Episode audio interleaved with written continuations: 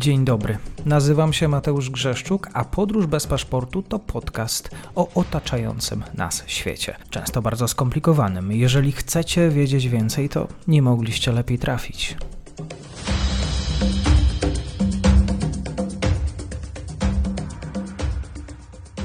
Partnerem odcinka jest sklep militaria.pl. Znajdziecie tam najlepsze męskie i nie tylko prezenty. Link w opisie. Dzień dobry Państwu, dzień dobry wszystkim słuchaczom. Paweł Rakowski po drugiej stronie. Długo nie rozmawialiśmy o sytuacji w Izraelu. Kłaniam się. Dzień dobry, witam Państwa. No właśnie, był pokój, e, znaczy pokój, chwilowy rozejm z uwagi na wymianę zakładników, a teraz znów powrót do wymiany ognia?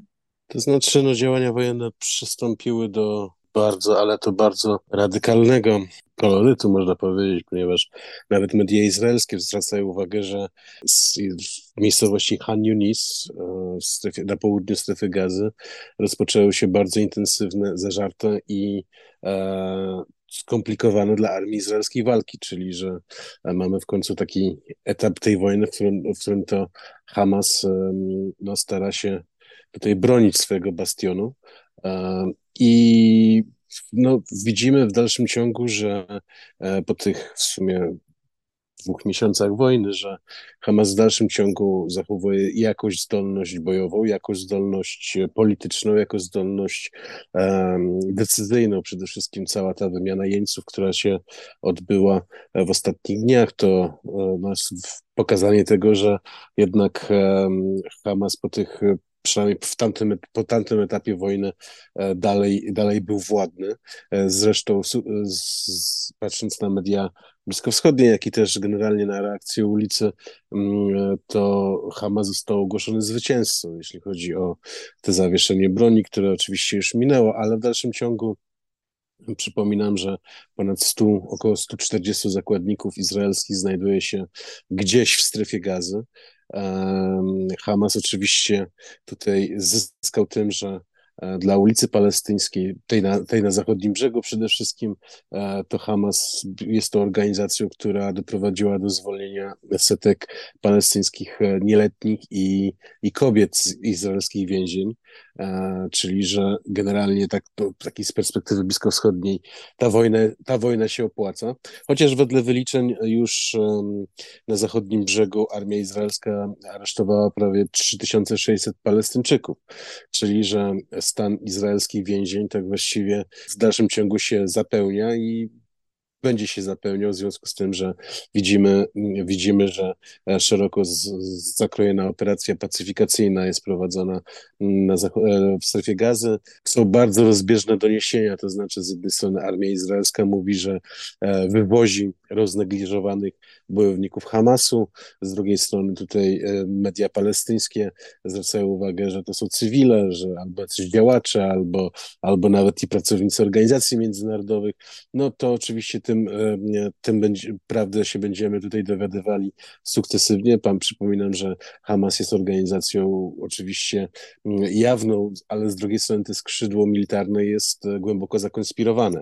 Tak więc, tak więc tutaj w tej sytuacji to zarówno strona palestyńska, jak i izraelska no, może mieć rację. Widzimy, że wraz z e, wznowieniem walk w strefie gazy wznowiły się walki na innych odcinkach, to znaczy przez te kilka dni tego rozejmu albo tego wyciszenia, wyciszenia działań wojennych, ponieważ i tak działania wojenne były prowadzone w, zarówno w strefie gazy, jak i też w Jerozolimie Hamas przeprowadził zamach terrorystyczny, to na tych różnych odcinkach pobocznych, chociaż moim zdaniem ważniejszych nawet niż sama wojna w gazie, e, też trwał spokój, który się zakończył wraz z wznowieniem działań wojennych, to znaczy wznowił, wznowiły się ataki rakietowe i dronowe na amerykańskie posterunki w Syrii i w Iraku, e, coś, co będzie najprawdopodobniej w najbliższych tygodniach rozpatrywane zarówno przez Senat, jak i też przez amerykańskich decydentów, jeśli chodzi o dalszą strategię tego, co robić w takiej sytuacji.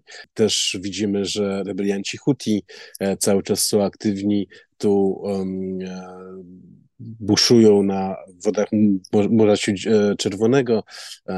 Tutaj przez te ostatnie kilka dni zarówno prowadzono jeden okręt, drugi okręt. Też są doniesienia o tym, że rebelianci Houthi w dalszym ciągu wyszliwują rakiety jak i też drony na, miasto izraelskie Eilat na, nad południowym krańcu Izraela.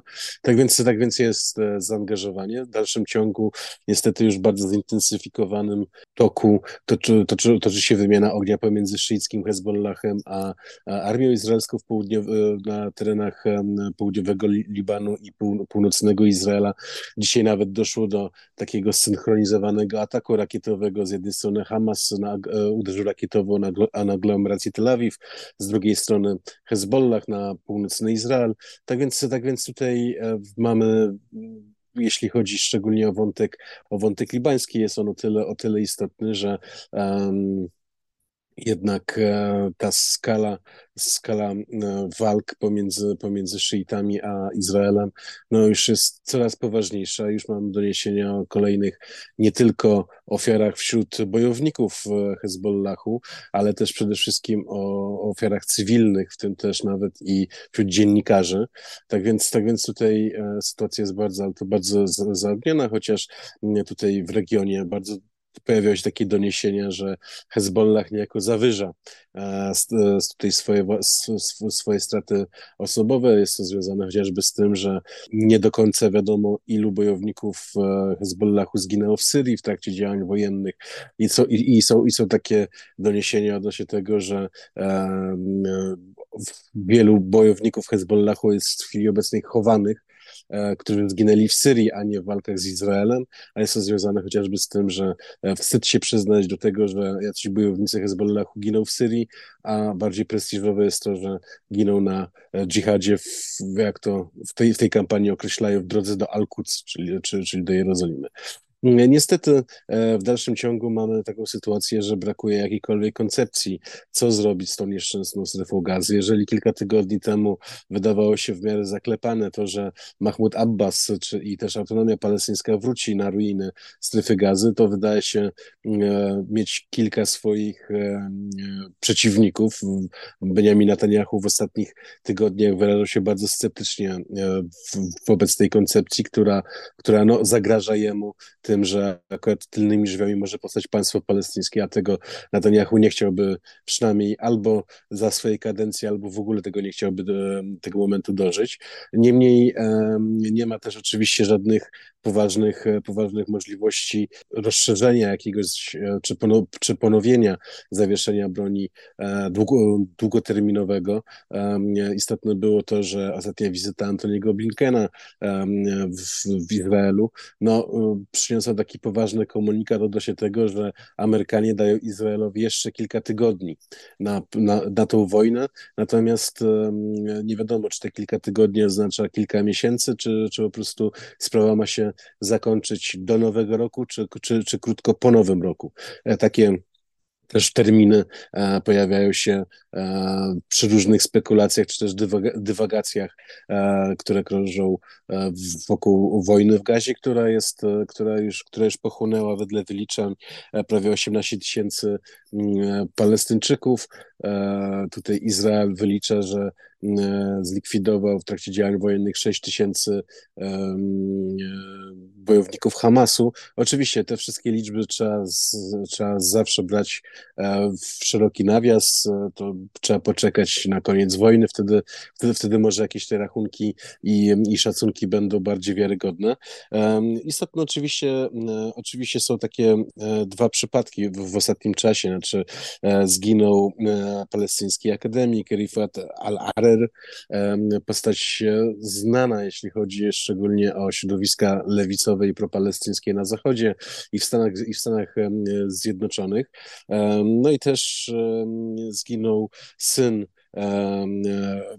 dzisiejszego ministra, a, a on dziś e, szefa sztabu armii izraelskiej Gadiego Elezenkota. Mm, e, dzisiaj, dzisiaj, odbył się, dzisiaj odbyły się pogrzeby zarówno Alera, jak i też Elezenkota juniora. Ta wojna zaczyna mieć tutaj elementy, elementy nie bezosobowe, ale też osobowe, to jest, to jest istotne. Chociaż, chociaż też też moim zdaniem pojawia się pewna bardzo złowroga tutaj okoliczność, która, która niejako widać, że w armii izraelskiej są bardzo silne nastroje radykalne, to znaczy są zdaniem szczególnie mediów arabskich dochodzi do licznych grabieży, dochodzi też do licznych celowych zniszczeń palestyńskiego mienia w strefie gazy. No i też tutaj media dotowały to, że w centrum miasta Gaza żołnierze izraelscy zrobili Hanukijem. Hanukija to jest ośmioramienny świecznik w związku z przypadającym w chwili obecnej świętem, świętem Hanuka, no i tam już pierwsza świeczka została, e, została zapalona. Tak więc, tak więc tutaj akurat e, nie jest to zbyt pozytywny sygnał, ponieważ e, przede wszystkim trzeba myśleć o tym, co będzie po zakończeniu tej wojny, no a poza, po zakończeniu tej wojny najprawdopodobniej jednak Izrael będzie dalej dryfował w kierunku jakiegoś, jakiejś formy nie państwa liberalno-demokratycznego, tylko, tylko wyznan, wyznaniowego. Um, i to jest, to niestety będzie wzmacniało um, radykałów, którzy w żaden sposób nie chcą doprowadzić, czy znaczy chcą tak właściwie zakłócić wszelkie negocjacje mm, z Arabami i, i wszelkie koncesje względem Palestyńczyków, które no, wydają się tak właściwie e, nieuniknione, ponieważ zarówno niedawno Ehud Barak, były premier izraelski w wywiadzie, w kolejnym wywiadzie niejako podkreślił, że z ciężkim sercem przyznaje, że no nie ma innej opcji niż, niż opcja e, dwóch państw.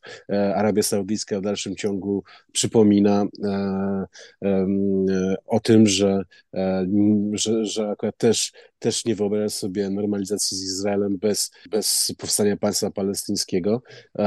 Tutaj o tym, o tym wspominał z, z ostatnio książę Turki bin Faisal al-Saud, czyli, czyli, czyli że jednak na chwilę obecną wojna, wojna jest kontynuowana, wojna będzie, będzie miejmy nadzieję, że nie rozszerzana, ale, ale nie widać e, żadnych pozytywnych możliwości zakończenia tej wojny, jak i też to, co mówiłem na samym początku, tej wojny, że ta wojna doprowadza do ślepej uliczki e, jakikolwiek proces pokojowy i jakiekolwiek rozwiązania polityczne, ponieważ e, w dalszym ciągu no, nie mamy żadnego projektu pod tytułem co będzie z Gazą i w ogóle co będzie z Palestyną po zakończeniu działań wojennych.